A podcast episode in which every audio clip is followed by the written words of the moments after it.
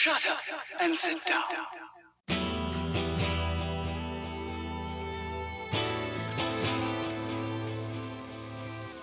Du lytter til Drivhuseffekt, for deg som trenger litt bensin på bålet i livet ditt.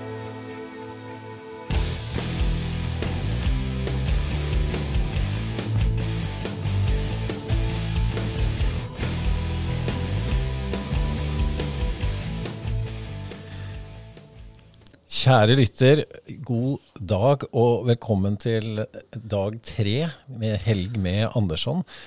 Eh, Her eh, vi sitter er det nydelig vær. Vi sitter fortsatt i drivhuset. Har du hatt en fin natt, Harald? Ja, jeg sov aldeles utmerket i dette drivhuset ditt. Selv om det var nærmest et teppe på gulvet i et hjørne, så, så er det et eller annet med den friske luften og, og, og liksom atmosfæren som gjorde at uh, dette var eh, en god søvn. Ja. Og du har nå fått ladet ordentlig opp til det vi kaller kanskje en sånn nerdesøndag. Ja, og faren med dette er jo selvfølgelig at eh, hvis noen fagfolk hører på dette, her sånn, så blir jeg selvfølgelig tvangsinnlagt øyeblikkelig for, for psykiatrisk avdeling, for dette, er- dette er jo bare helt sprøtt. Ja, det er det som er fall- Det er ikke helt sprøtt, fordi du har jo du har en del tema som du, du har studert nøye på, som er helt uvanlig, men som jeg mener er særs interessante. Ja, så det, er, det går under eh, det som heter eh, unyttige kunnskaper som ingen bryr seg om. Ja, eller jeg vil si eh, nyttig kunnskap for ting vi holder på med hele tiden, men ikke tenker på. Ja, Fordi eh, et av, eller, ja, et av temaene vi skal innom, er jo skruer. Ja. Og jeg håper også at vi kommer inn på dette med fra kanonkule til granater. Den er kanskje litt smal. Altså det er, det er rimelig spisse temaer, selvfølgelig, men det som er interessant, er at dette er, dette er ting du ikke finner på nettet. Ja. Altså Man tror at man kan søke opp alt mulig rart, og så er det masse kunnskap og, og fagområder som ikke er nevnt og ikke belyst. Og så er det hundrevis av timer som du har studert på, som vi nå får i løpet av en jeg tror vi sier en liten time. Og så får vi bare si det er en spesialsending. Så hvis du ikke er interessert, så får du bare skru av og hoppe til neste episode.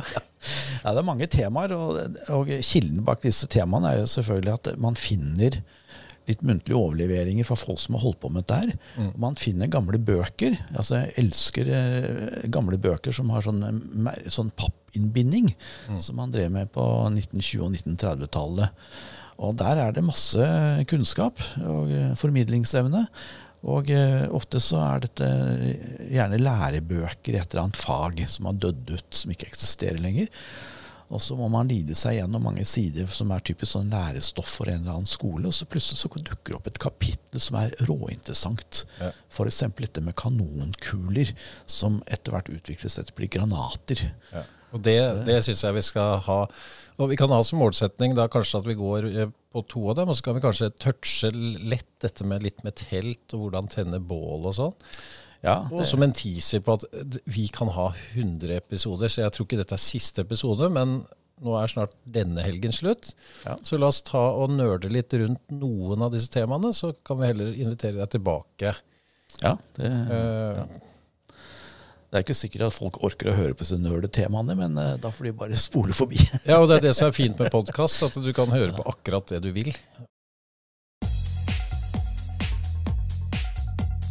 Har du, eller har du sett en kjedelig infoskjerm?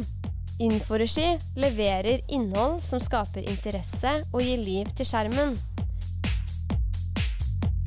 Hva med ukens sitat, grublis, kunstverk, eller kanskje navnedager, merkedager eller historiske hendelser? Vi oppdaterer automatisk, og du kan teste gratis. Inforegi. Innhold over tid. Første tema som jeg tenkte vi skulle belyse nå, det er skruer. Ja, og, det, det er jo et sykt tema. Det, er, det er ikke så mye du finner om skruer og gjenger.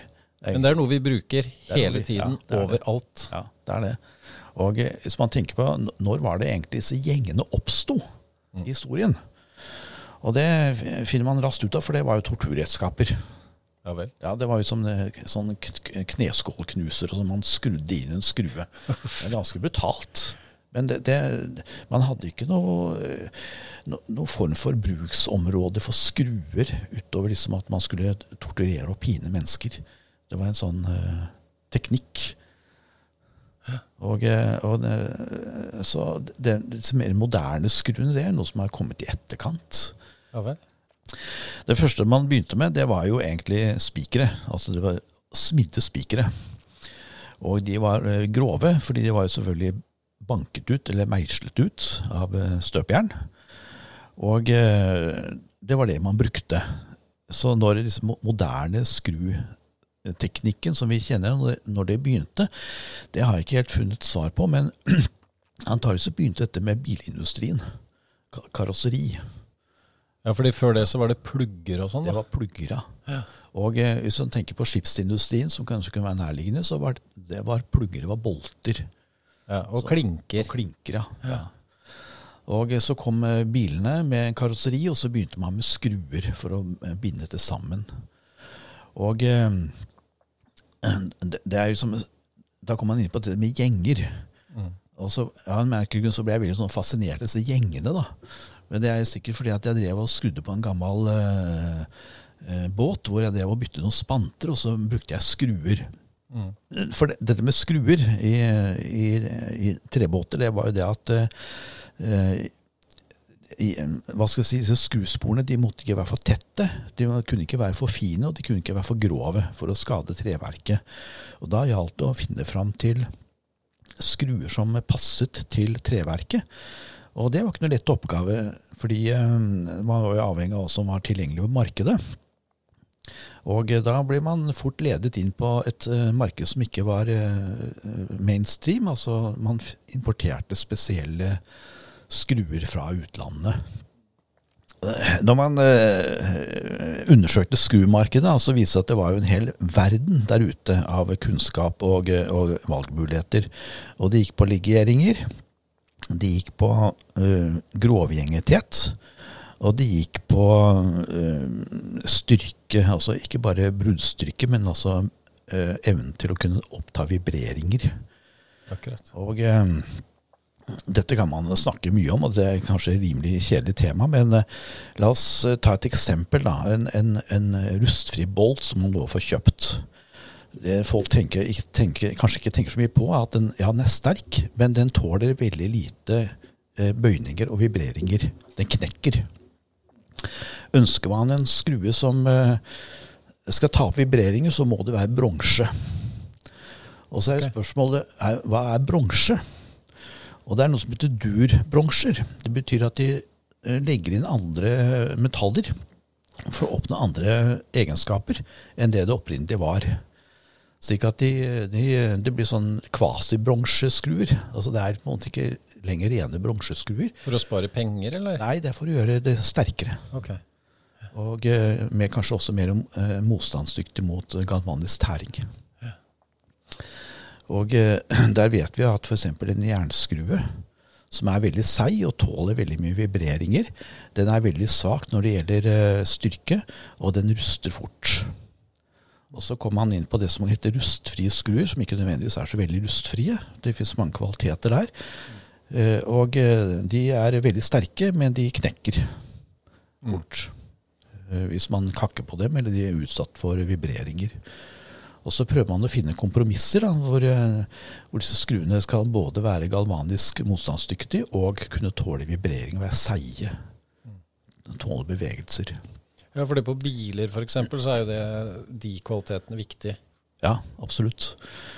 Eh, Det neste er jo selvfølgelig selve gjengetypen, da. Ja, der er det mye forskjellig. Ja. Er, hva er grunnen? Er det fordi det, det er at verden har møttes, og så hadde de det i England og de det i USA? Og, I utgangspunktet var det det. Da hadde du dette med eh, altså din-nordmenn, altså den europeiske millimeternormen, Mm. Eh, med franskmennene som ledende. Og så hadde du da den tomme inch-normen, som typisk er England og USA, Mm. som lever enda. Og i begynnelsen så var jo eh, disse gjengene de ble jo laget etterpå. Du hadde en sånn såkalt sånn stanghammer, altså sånn jernstang, ja, som du gjenget opp. det har jeg faktisk. Ja, det er mange som har sånn sett. Ja, ja. Eh, Det du ofte får kjøpt nå, det er jo da at dette er støpt. Det er ikke gjenget nei. lenger. Og det, at det er støpt, det, det forringer kvaliteten enormt. Hvis man gjenger opp, det er en helt annen styrkekvalitet. Ja. Og eh, da håper jeg at eh, moderne biler at de fortsatt uh, gjenger opp, slik at uh, karosseridelene da sitter ordentlig sammen. Eller de kanskje punktsveises, eller hva vet jeg. Men, men hvis man finner uh, gamle skruer som er gjenget opp, så er det nesten verdt å ta vare på.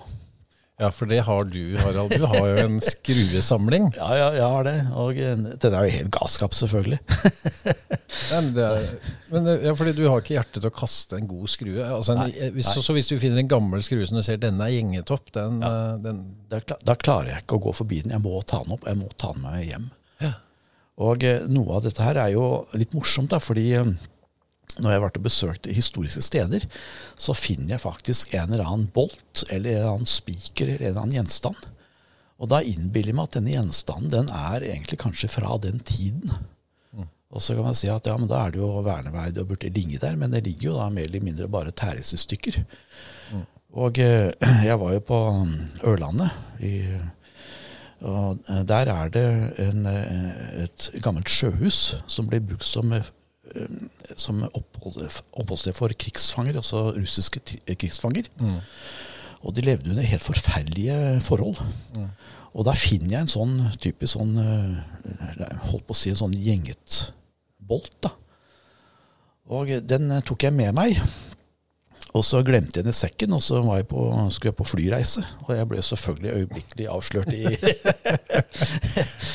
i, i, i den der eh, metalldetektoren.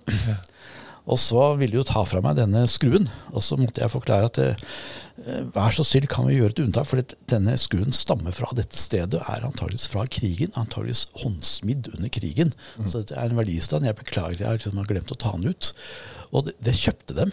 Så du fikk lov å ta med skruen? Ja, jeg fikk lov til å ta med denne bolten. Altså. Har du den bolten hjemme? Ja, den har jeg enda. Kan du ta bilde av den og sende, så vi kan dele den? Ja, det kan jeg gjøre. For lytterne. Ja, ja, ja. Ja, så så den, den forkjærligheten for det, og, og som du sier, er sånn, hvis, nå skal vi ikke gå inn på alt dette med legeringer og, og sånne ting, men, men det er tydeligvis en veldig forskjell på å smidde, altså Ja. håndlagde, da, Ja. og nå en te- terrasseskrue f.eks. fra Biltema. Ja, det, dette, er, dette er forferdelig dårlig kvalitet. Det, det skjønner man jo. Og fordi den kan du jo nærmest knekke med hendene. Eller i hvert fall med en tang. Men den, den holder til formålet, eller for den skal Ja. bare holde en planke ned? ja, den holder absolutt til formålet. Ja. Og det som er det positive med disse moderne skruene, er jo selvfølgelig at de er blitt veldig galvanisk eh, sterke. Altså de ruster ikke. Nei. De holder. Og du ser jo på, også på fargen på en skrue, så lurer som man er liksom, ja, den er litt sånn eh, blank, litt sånn bronseaktig. Er dette en bronseskrue, eller er det en jernskrue? Antagelig så er det et sammensurium av en eller annen legering. Og de som kombinerer alt mulig rart for å få den mest mulig billig og mest mulig motstandsdyktig. Og så holder den til formålet. Ja, og for det er litt viktig. Jeg har jo også en haug med skruer. Og jeg må si jeg tenker ikke på formålet når jeg driver og snekrer, så finner jeg en skrue som passer. Ja, ja. Men, men det er egentlig litt farlig hvis du i hvert fall driver med konstruksjon og sånn, da.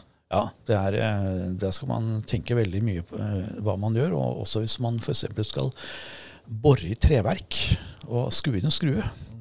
Så er det jo forskjell om du skrur den skruen inn i f.eks. en gran eller furu, som de fleste har, som er veldig porøs. Da kan du egentlig bare presse inn skruen med en sånn drill. Og den bare skjærer seg inn i treverket, og treverket sprekker ikke opp. og Den klarer liksom, å ta imot den skruen. Skal du gjøre det samme eik, så må du bore. Ja. Og det er jo spørsmålet hvordan skal du bore i eik for at skruen skal passe. Da skjønner man at man må jo bore i hvert fall ikke mer enn det som er skruedimensjonen minus gjengene. Men helst så skal man trekke fra en millimeter til to i tillegg. Slik at uh, skruene blir sittende ordentlig fast. Ja. Hvis man prøver å skru en skrue inn i en eikelist, eller et eller annet sånt, så vil den øyeblikket sprekke opp hvis man ikke da borer. Eller Burma Eller Burmatik. Tik, ja. Så jeg skal få den Burma-teak-plankene der, så må jeg, den må jeg forbore, altså. Det, det må du forbore. forbore ja. altså, Teak er jo veldig eh, veldig hardt treslag, men også veldig sånn eh, sprekk. Lett. Altså, den, er, den er lite føyelig. Ja. Eh, da kan man si mahognien, da. Eh, den er jo også et veldig hardt treslag, men den er veldig bøyelig. Veldig sånn eh, Kan ta opp eh, eh, skruer og, og bolter og slike ting. Og den er ikke sterk i sin bruddfaktor. Ja. Den kan du nærmest eh, veldig lett knekke. Men en teakplanke den klarer du ikke å knekke. Interessant. Da, nå er vi på ferd inn i og Dette henger jo da altså Forståelsen for skruer henger sammen med forståelsen for det materialet du skal skru sammen. Da. Ja, absolutt. Og at ja. de er i harmoni med hverandre. Ja, ja, det er det. Og eh, man kommer liksom tilbake til gjengene. så er jo det at Disse gjengene er jo gjerne tilpasset hva er det du skal bruke den til. Ja. En eh, maskingjenget eller en tettgjenget eh, skrue er jo selvfølgelig for metall. Mm. Og eh, en som er veldig eh, grovt gjenget, det er jo for treverk. Ja. Den skal kunne ete seg inn i treverket. og Det som holder den skruen på fast i treverket, er jo selvfølgelig gjengene, og det trenger ikke være så veldig tette. Nei, fordi du får jo også på en maskinskrue med, altså Det er sånn med mutter, ikke sant? Så er det jo forskjell på dem òg. Noen må du skru veldig mye for at de går sakte inn. Ja, er det det ja. du kaller da tettgjenget? Ja, ja, ja, ja.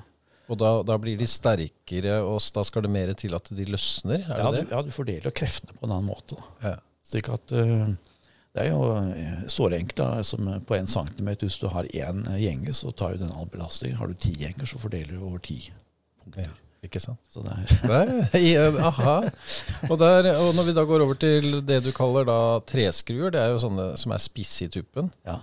Eh, og der har du også type gipsskrue. Og den er jo veldig grov. Eller hva heter det da? ja, eh, grovgjenga, da, kan du si. Ja. Ja. For det er nesten bare, Og den syns jeg er fin å bruke tre, for det er bare tjukk, Ja. svopp, så er den inne. Ja. Men da antageligvis veldig svak, da. Ja, I treverk så gjør den nytte sin. da, Fordi eh, treet tetter jo liksom rundt denne gjengen. Mm. Og da skal jo gjengen være spiss og eh, inn i treverket. Og så tenker man at ja, men hva med andre typer gjenger? Det finnes jo gjenger som er trekantet, f.eks.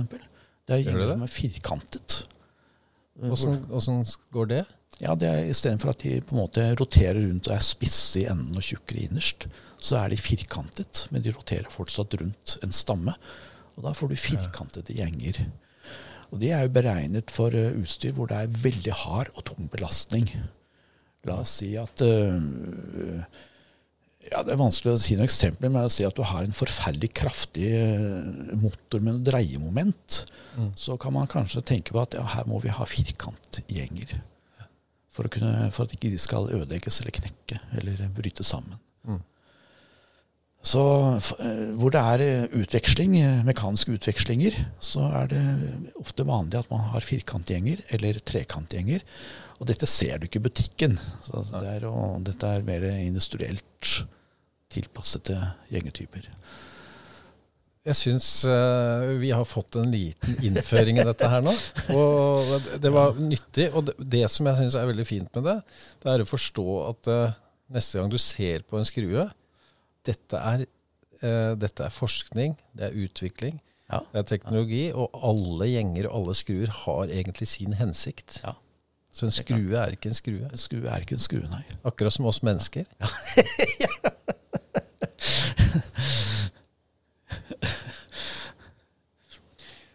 Skal vi da forlate skruene? Så kan, eh, Hvis noen har noen spørsmål eller kommentarer, så er det jo bare å kommentere på Facebook-sida vår, eller sende Ja. en mail til Ja. post at drivhuseffekt.no hvis de ønsker å korrigere deg. Du Også- blir vel ofte utsatt for det, Så, at noen som vet litt mer enn deg, vil Ja prøve å sette deg på plass. Ja, da, det, er, det, er noen som, det, det er to ting. Det er noen som, eh, som er bidragsytere, og det er positivt. Fordi de har det kanskje som et sånn spissinteresseområde.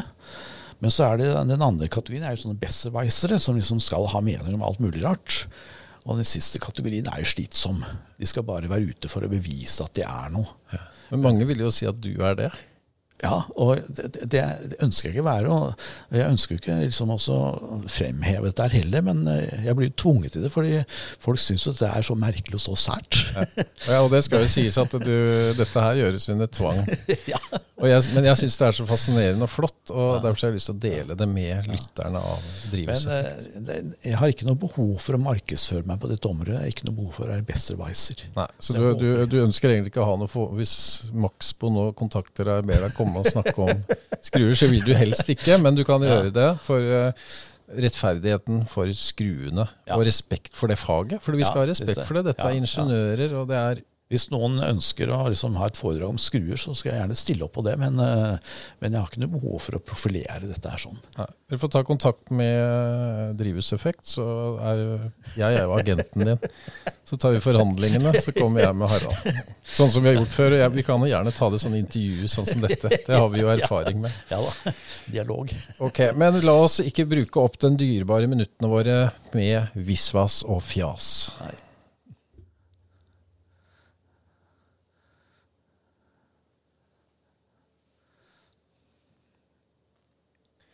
Neste tema skal være fra kanonkule til granat.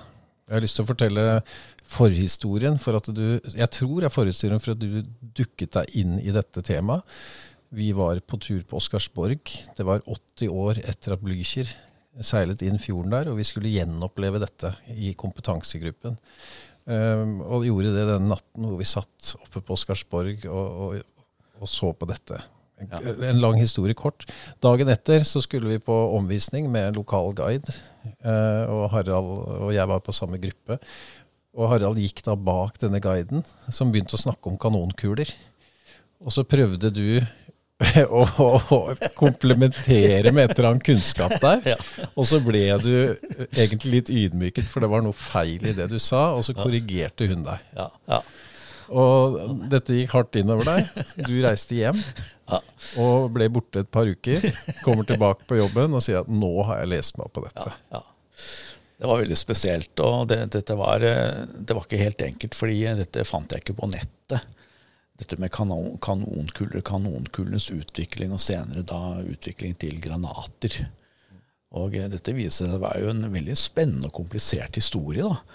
Og nordmennene var jo langt framme der. Det var jo en, en professor Hansten fra Fredriksvern som eh, var den første i verden som klarte å beregne ordentlig dette med kanonbanen eh, og forholdet til mengde krutt som ble brukt. Altså det En ting er på en måte at eh, vekten på kula og, og mengden på kruttet, så kunne man få en sånn erfaring at ja, der gikk den 400 meter, og der gikk den 800 meter. Og han klarte å beregne hva er treffsikkerheten på 400 meter. Jo, den var kanskje 90 Hva er treffsikkerheten mot 1600 meter? Jo, den var bare 20% eller 30% For det som ligger bak her, er rett og slett et ståle jernrør Ja. med en kule Ja. og sprengstoff imellom. ja. Og så eksploderer det, og så Og blåses så denne blåser kulen. den ut, ja. Ja. Og dette forsket han på, og da fant han fram til hvordan kulebanen var i forhold til hvor mange, mye krutt du hadde bak denne kanonkula. Og i begynnelsen, eh, 1800-tallet, så, så var jo det rimelig primitivt. Kula ble varm den ble skutt, så det var veldig stor avstand mellom eh, kul, selve kulediameteren og kanondiameteren. Og dette måtte man jo tette igjen på en eller annen måte, slik at uh, ikke man fikk falsk luft som gikk forbi kula. For all luften ønsket jo å liksom presse kula ut. Og da fylte man det med, med sånne tøyposer. Eh, før man da stappet inn kula. Det har jeg sett på film. Ja, ja. Og eh, denne operasjonen var ganske komplisert, så et, et kanondag besto jo alt fra fem til åtte mann som skulle håndtere denne kanonen. Og det var masse problemer med disse kanonene, og en av problemene var jo selvfølgelig rekylen som sprengte stykker denne støpekanonen. Eh, slik at eh, Ofte så var disse kanonmannskapene de var like mye redde for sine egne kanoner som de var for motstandsskipets kanoner. Så, så det var mye fare forbundet med der. Og et av de største utfordringene det var jo selvfølgelig rekylen. Så man fant på mange forskjellige teknikker for å fange opp da denne rekylen.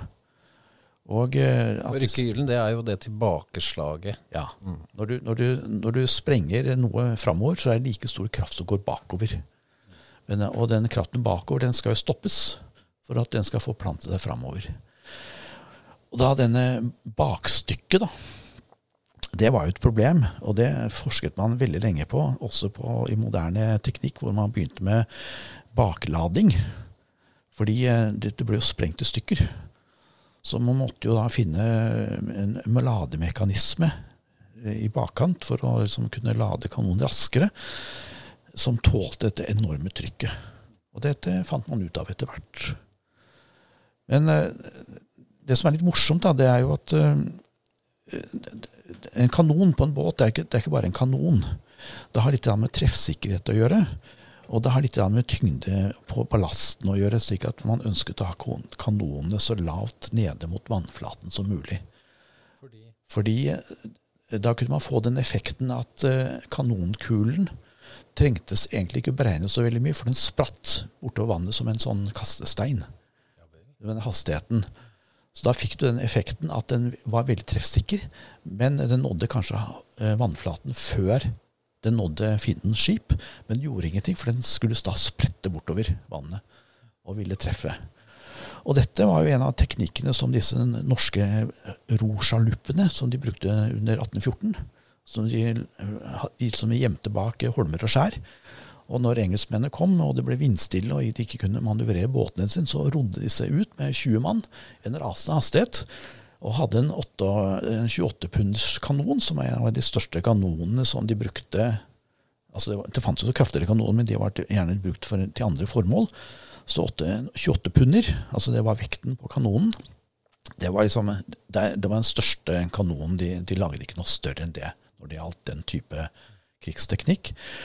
Og da hadde de gjerne en sånn kanon eh, bak i båten, og så snudde de båten når de var nære, nære nok, og så fyrte de av. Og dette hadde en voldsom effekt. Og dette hatet engelskmennene. Dette var de redde for. Og, og dette var jernkuler. Det var en helt Altså massiv det var en jernkule. massiv jernkule. Og da gikk den igjennom skroget, da. Da splintret den skroget, og en 28-punde den var så kraftig at den klarte å splintre et skrog som var opptil 70 cm tjukt. Du kan tenke deg som bordgangspant, bordgangspant, som disse krigsskipene var bygd opp av, ofte. Eh, tett i tett med spanter og eh, doble bordganger og en spantdrag utpå der sånn. Og dette knuste, klarte å knuse dette, eh, denne skipskonstruksjonen. Og da tenker jeg også det er en fordel at du var langt nede på vannflata. Ja, For da klarte du jo, da ble det jo høl og vannet. Det var jo der, det var jo selvfølgelig. Det, var, det var to teknikker. Det ene var at du, du skjøt en kanon som bare skulle rad, radere mest mulig på dekket. Og da utviklet de en annen type kanon som ser litt ut som en manual som du løfter for å trene armmusklene dine. Er sånn en, en stang med, en, med to kuler i Ja. hver ende. Som de skjøt ut. Og den begynte å rotere. Oi, oi, oi. Og når den roterte rundt, og den treffer en mast, f.eks. på å finne skip, så spretter den til side og fortsetter å rotere, og treffer eh, noen mennesker. Og så fortsetter den å rotere utover skipsgulvet og gjør vanvittig mye skade. Grusomt. Eh, Ja, det er eh, helt utrolig hvor flinke de var til å finne opp sånne En kanonkule var jo sånn uskyldig, for den traff jo og knuste det som var, og så bare fortsatte den sin vandring. Den stoppet opp. Men disse manualkanonene da, som roterte, de spratt jo rundt omkring og fortsatte å gjøre skader. da. Men det, de var da konstruert for, for typisk dekkskader, ikke for å knuse et skrog, som en kanonkulen var mer beregnet for. Så, men så skjedde Og så begynte det etter hvert å bli sprenglegemer i dette her, da. Ja, Var det liksom neste skritt? Det var neste skritt, og man er litt overrasket at det tok så lang tid. Fordi eh, rundt napoleonskrigene så hadde man veldig stort overskuddslager av den type gamle kanonkuler og krutt og, og støpte kanoner, som han brukte dette. Og det viser at det var veldig lite vilje til å drive med forskning, egentlig. Slik at forskning rundt dette er sånn, det begynte egentlig etter de store krigene i, rundt 1800-tallet. Og det er først liksom i 1840- 18, eller 1830-årene at man begynner å se en slags eh, teknologisk utvikling. Og da begynte man å eksperimentere med at eh, man hadde krutt inni kanonkula. Og så ble den antent ved en eller annen spesiell mekanisme når den forlot løpet. Sånn, eh, hva skal jeg si, sånn skrubbemekanisme, akkurat som man kjenner fra fyrstikker. Som liksom drar og så antennes det. Så ble det en slags lunte antent, og så for den av gårde. Og da var håpet at den skulle sprenges når den traff målet sitt. Det må være et sjokk når de kom. Ja. De som er vant til disse døde kulene, og så kommer de Ja, Hvem var det som var først på dette her? Eh, engelskmennene var veldig eh, tidlig ute med. Franskmennene var også faktisk veldig tidlig ute med dette her. Og man, man tenker seg engelskmennene som en ledende skipsnasjon, men det var på midten, på midten av 1800-tallet så var det franskmenn som var ledende innenfor krigsskipsutviklingen. Det var de som først begynte med pansrede skrog. Og, og, De er vel ledende ennå, er det ikke de som lager uh... Ja, det er jo det, men uh, engelskmennene er jo liksom de som er mest kjent da, for Ja. eh, sine krigsskip og sjøslag og, og Ja. slike ting. Ja, men tilbake til disse eksplosive kulene. ja. da. Det, det som var ulempene, var jo at det de, de, det var veldig beregne, vanskelig å beregne når det skulle eksplodere. Så ofte så eksploderte de for seint eller for tidlig. Så det var veldig lite brukbart. da. Og så begynte man da med en slags sånn eh, tenningsmekanisme. Hvor du hadde et rør som da, eh, når du traff målet sitt, så sprakk røret. Og så rant det noe syrevæske inn i, i tennkammeret, og så eksploderte kulen. Og den er litt morsom, da, for det, det er også nordmenn som var ledende der. sånn, og Det var en tøymester og en kaptein også på Fredriksvern som het eh, Mikael Fredriksen. Han forsket på at det er sånn, og fant på en veldig sikker eh, løsning. Som faktisk var i bruk helt fram til eh, 19... Eller den ble avslørt først i 1913. Eh, Det var sånn industrihemmelighet da, som de tok vare på. Og da var, hadde utviklingen gått sin gang, og liksom, eh, dette var uinteressant. Og det som da ledet utviklingen, det var Krupp, den tyske firmaet Krupp. Som satte i gang veldig aktiv forskning på hvordan lage en granat. Ja, fordi da blir det plutselig det vi kjenner som en granat. Ja, Det de begynte med, det var jo det at de lagde fengemekanismer som eksploderte når det traff sitt mål. Og for at dette skulle være mer eh, skuddsikkert, så eh, begynte man å høste erfaringer fra geværer som da hadde riflete løp, altså sånn spor, okay. hvor, hvor kulene roterte rundt. For da stabiliserte du kulen, og du kunne skyte lenger og mer treffsikkert. Er det derfor det heter rifle? Fordi det er riflete løp? Eh, Det kan tenkes, men det vet Ja. jeg egentlig Nei, ikke. men det er nærliggende nærliggende å tro det. Ja. Men, men, eh, men man begynte jo dette med også innenfor eh, kanonteknologien. da. Og, eh, og dette tok lang tid. Så først i 1850-årene så begynner man å se disse mer moderne kanonriflete løpene som man bruker, og eh, hvor da kanonkulen ikke er lenger er rund, men den er avlang. Ja, Som en patron. Som, Ja, som patron. Så det ble egentlig store geværer, på en måte. Ja, ja, det kan du si. Og de holdt jo fortsatt eh, begrepet med, med pund, som da angir vekten. Men da når de begynte å gjøre med avlange, så kommer dette med at eh, da begynte man å snakke om kaliber. Ja. Ja, for da, da, da var det ikke lenger vekten, men det var også lengden. Hvor mye sprengstoff du kunne ha i lengden av dette litt avlange kanonen, da, for å si det sånn.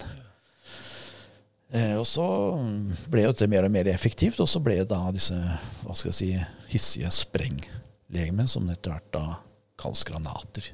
De kanonene som er på Oscarsborg, Ja, det er jo som egentlig tok ja. Blücher, ja, ja. Er det, det Det er en teknikk fra slutten av 1800-tallet, også fra Krupp-fabrikken. Og var, de var veldig moderne den gangen, for dette, dette var, dette var eh, sprenglegemer. svære greier? Ja. Men det er morsomt er at de fortsatt hadde betegnelsen at det som står der, eh, disse kanonene, det er 24-pundere. Akkurat. Sånn i, ja. hvis man skal som oversette språket. Så de holdt seg da til en eh, vektdiameter 24 punder, som da betyr at løpet har en viss tommestørrelse. Jeg husker ikke hva de tilsvarer i millimeter, men altså at det er eh, 28 cm, et eller annet. da, Eller 24. Og så, så var de avlange som en granat med sprengladning. Og eh, når, under annen verdenskrig så var dette for lengst blitt historie. altså Disse kanonene var jo veldig lite effektive. Og eh, hvis man tenker seg at hvis, eh, hvis eh, ikke Blücher hadde gått først, men det pansrede skipet Lutzow, Som gikk bak som gikk Blücher. bak, hvis den hadde gått først, så hadde den klart å ta imot støten av disse undervannstorpedoene. Og den hadde antakeligvis også klart å ta støyten av disse kanonene i sin pansring.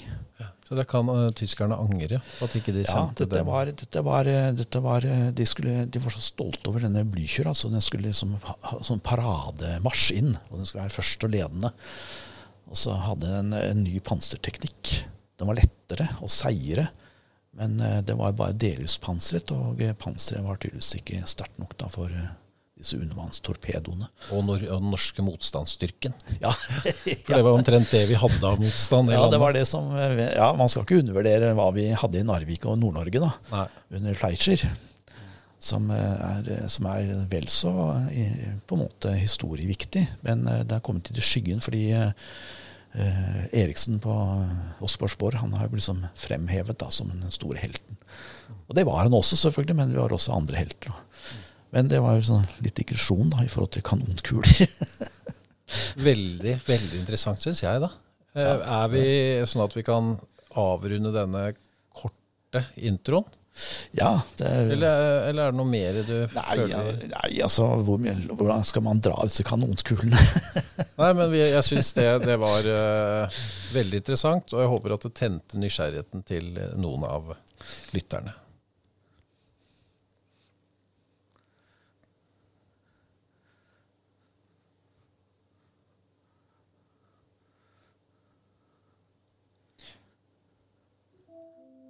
Det var Roger, og jeg tror at han ville være eh, veldig interessert i det vi skal snakke om nå. Nå har jeg lyst til å snakke litt om telt. ja. For du, du samler på telt? Ja, det, det var sånn greie Jeg vet ikke helt det som opprinnelse, men det var det at eh, når jeg var eh, jeg holdt på å si, i begynnelsen av ungdomsårene, så, så hadde jeg ikke noe særlig penger, og så fikk jeg tak i et sånt gammelt sånn Nansen-telt. Altså sånn spisstelt med en stang i midten. Og eh, så ble duken eh, så råtten til at den revna hver gang jeg brukte den, så jeg fikk tak i et nytt brukt sånn spisstelt. Og så hadde jeg ikke hjerte til å kaste det første teltet, for det var så mye, mye minner knyttet til det teltet. Og der begynte Ja, altså det, liksom, det var telt jeg hadde med meg i Nordmarka, som jeg tok med på fjellet, og som jeg hadde med meg overalt. Det har du enda. Jeg har det enda. Og så var det andre teltet som jeg kjøpte, det var også en gammelt brukt telt, og det revna det også, så, det ble, så ble det tredje telt. Plutselig hadde jeg tre sånne gamle spisstelt. da. Og så, øh, så det ble bare slik at det ble bare slik at ja, jeg bare gjemte på dem. Hvor mange telt har du nå? Ja? Eh, Jeg har ja, men som telletter. da. Jeg har disse tre spissteltene, og så har jeg eh, noen sånne merkelige eh, militærtelt. Sånn US Navy og sånn som er stempla på det, så det må være noe fra, fra noe Nato, na-. Og så er det noen sånne knappeduk-telt. Og så er det et eh, sånn kotelt, sånn uh, militær-kotelt. Sånn, eh, det, er, to varianter Da, sånn, eh, det er en sånn hustelt. Den er på 4,5 kvadratmeter, og den andre er på 7. Og så finnes det jo større, da, men det var de mest brukte. Og da har jeg det lille 4,5 kvadratmeter-teltet. Det veier jo Og så har jeg en lavvo. Hva, hva er favoritteltet ditt, da? Er favoritteltet det er det lille militærteltet. Det er US Navy-teltet. Fordi det, det, er, eh, det, altså det er jo bomullsduk eller sånn eh, blandingsduk, og de blir jo fort ganske tunge. Men fordi det teltet er såpass lite, så er det bærbart. Altså, det er lett å ha med seg. Men det er bare plass til én i det. Du kan få to stykker, men da får du ikke plass til ryggsekken. Da må den være utenfor.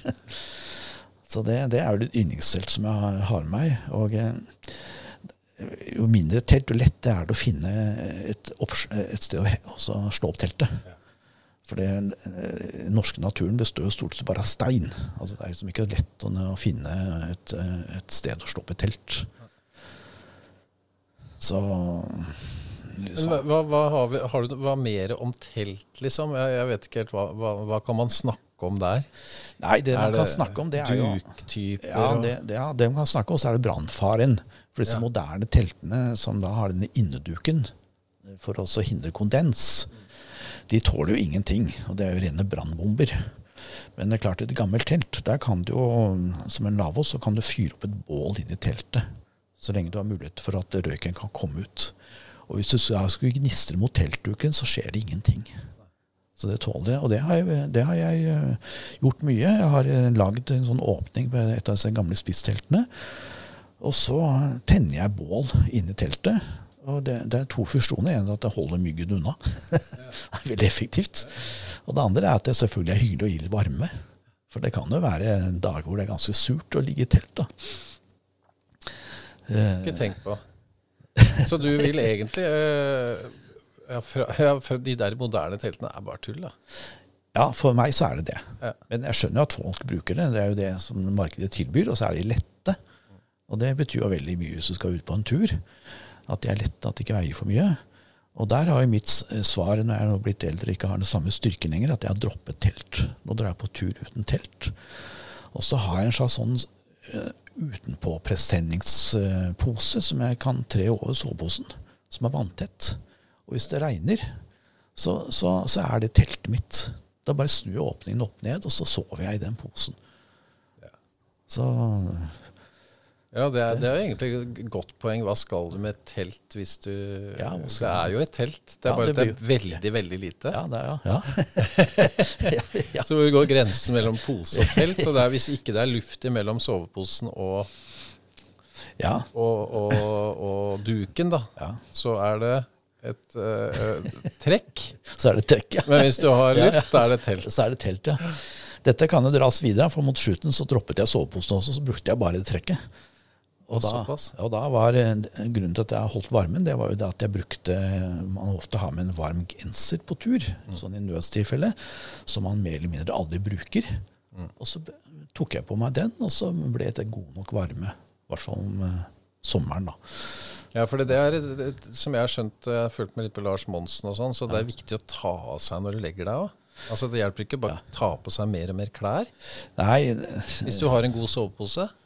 Nei, det, altså, det var en, en, en, periode man, eh, Nanok eh, kom med en sovepose, en dunsovepose, hvor de reklamerte at her skulle du ligge naken. Ja. For at eh, det var fuktighet og kondens som var drepen for å holde varmen. Og eh, dette prøvde jeg på Finnmarkssida på en tur der, sånn, og dette var jo bare vås. Jeg har aldri frosset så mye i mitt liv. okay. Så, så eh, mitt tips er jo det at hvis du holder deg til eh, god gammeldags ull, som mm. tåler, som holder varmen selv om den er veldig våt og fuktig, så er det bare å sove i dette. Og du, du holder varmen.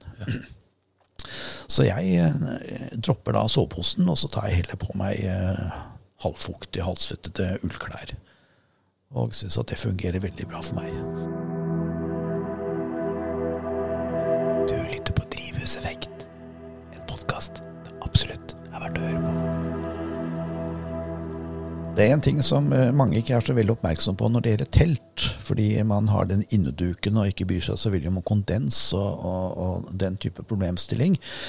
Men hvis man da har et ordentlig telt som man skal kunne tåle en primus og tåle varme uten at man er redd for å, å, at det skal ta fyr, så er det med kondenspunktet det er veldig viktig telt. Kondenspunktet. Ja, Det er der hvor det er overgang, men der hvor det er kuldegrader og varmegrader. Da snakker vi om typisk vintertelting. da.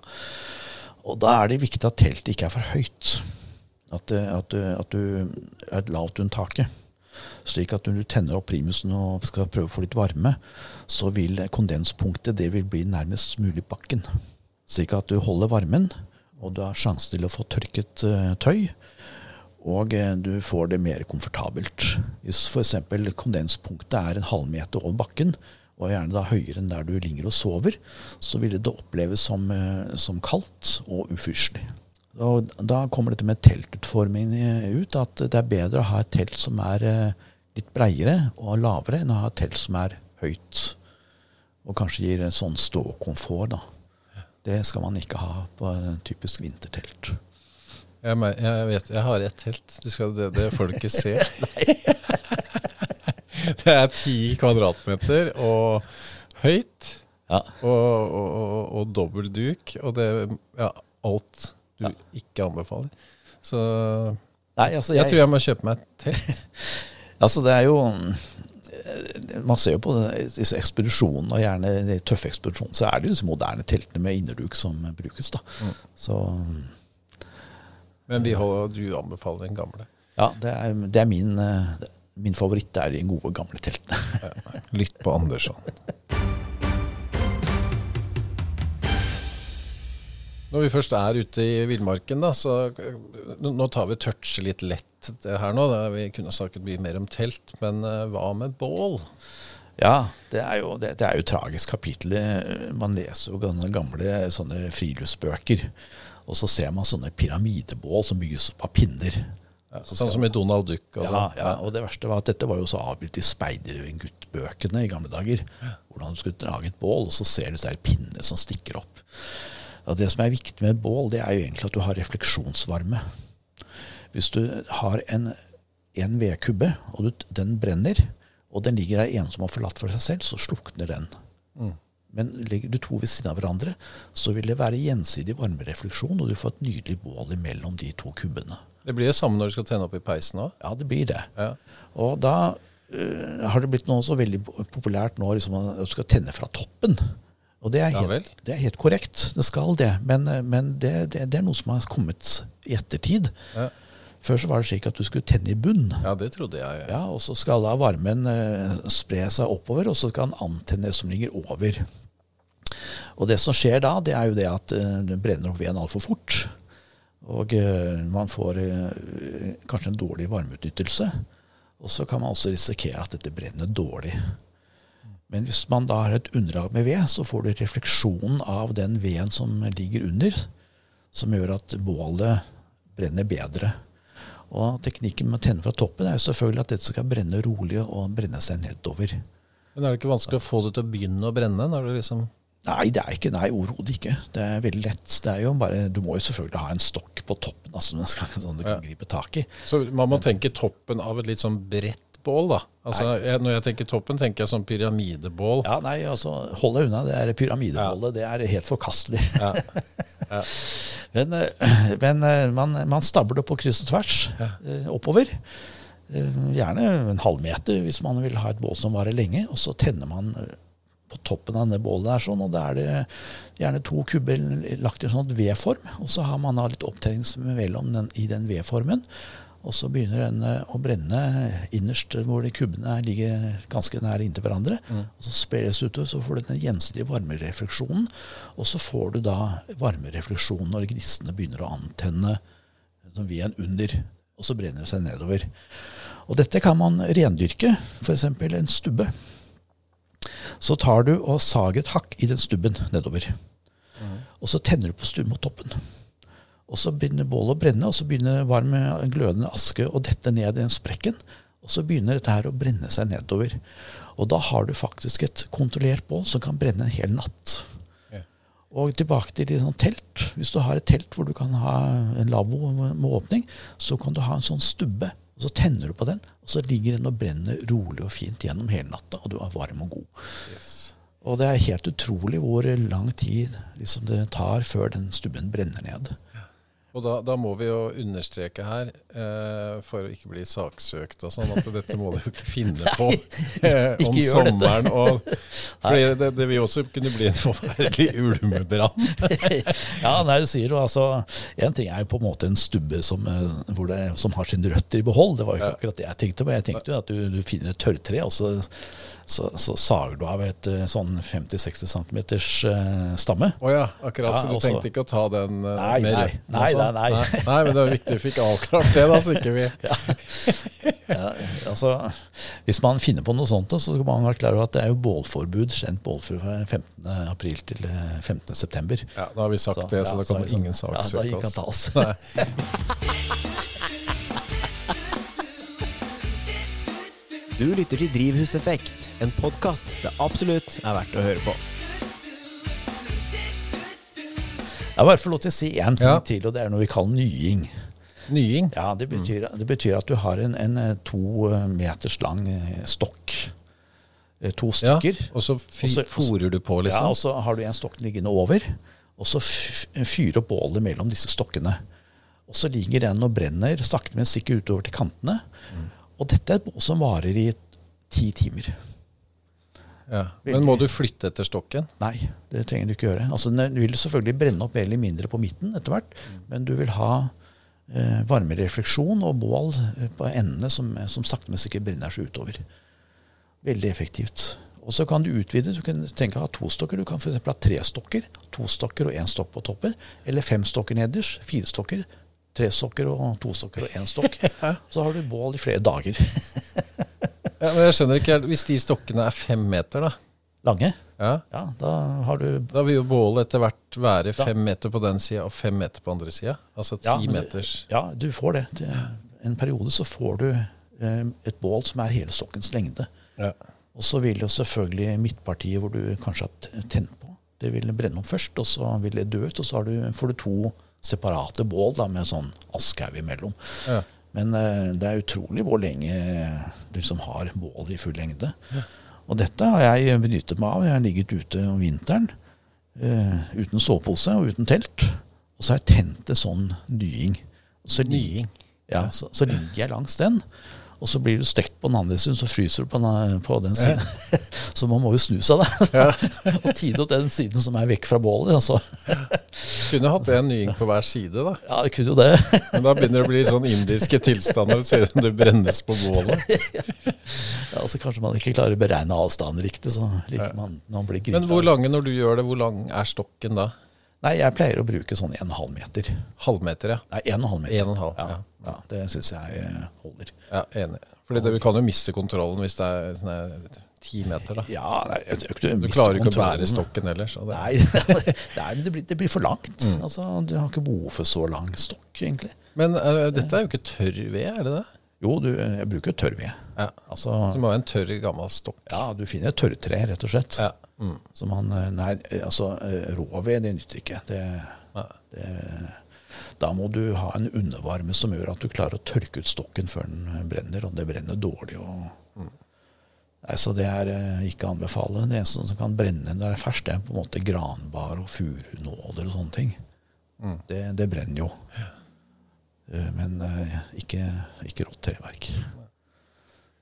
Så spennende, Harald. Nå vi Nå tror jeg vi skal begynne å avslutte denne eh, weekenden her òg. Men da kan vi avslutte med det hvordan sikre seg slukket bål. da. Ja, og det, det må man tenke seg eh, Om vinteren så er det ikke så veldig farlig, for det er jo snø.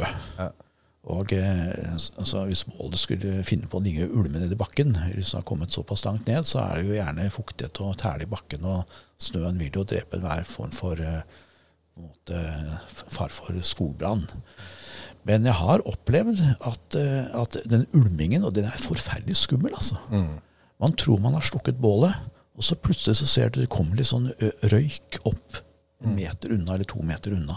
Da har det ligget ulmet gjennom eh, tørr lave eller mose eller sånn jord og noen røtter, og så blusser det opp igjen.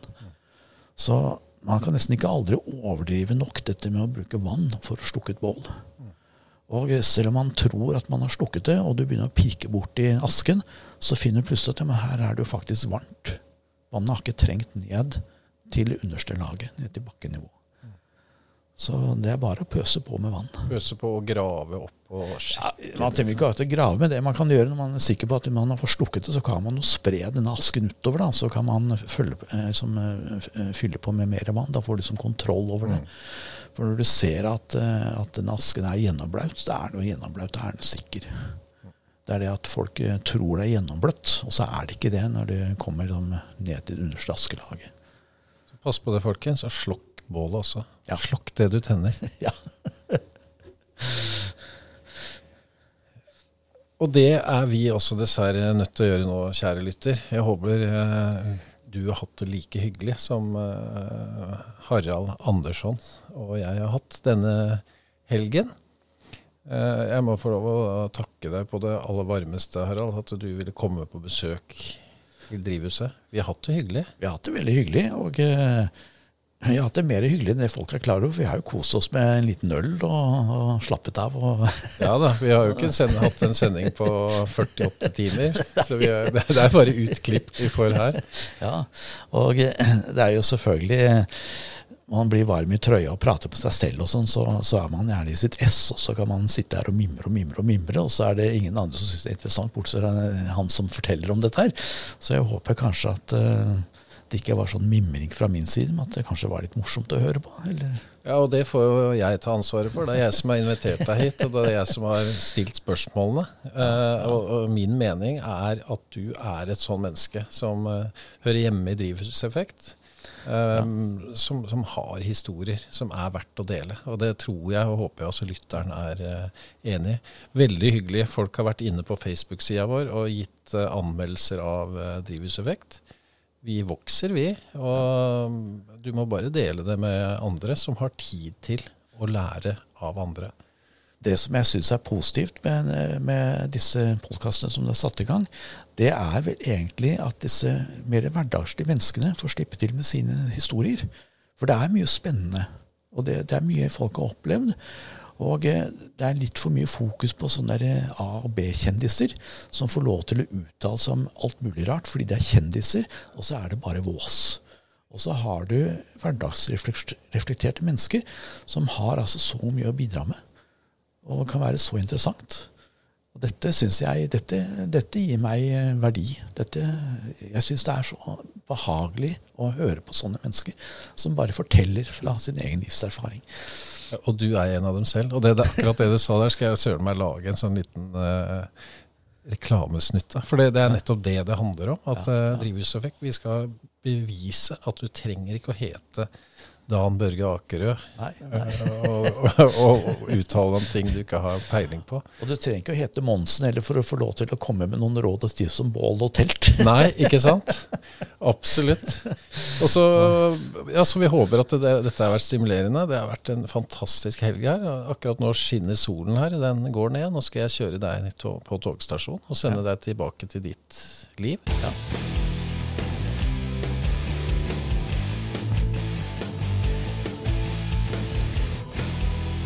Drivhuseffekt for deg som trenger litt bensin på bålet i livet ditt.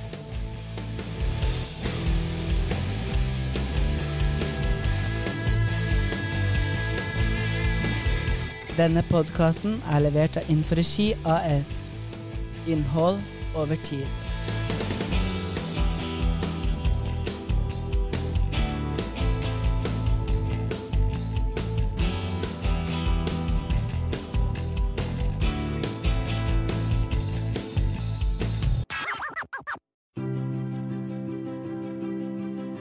Drivhuseffekt.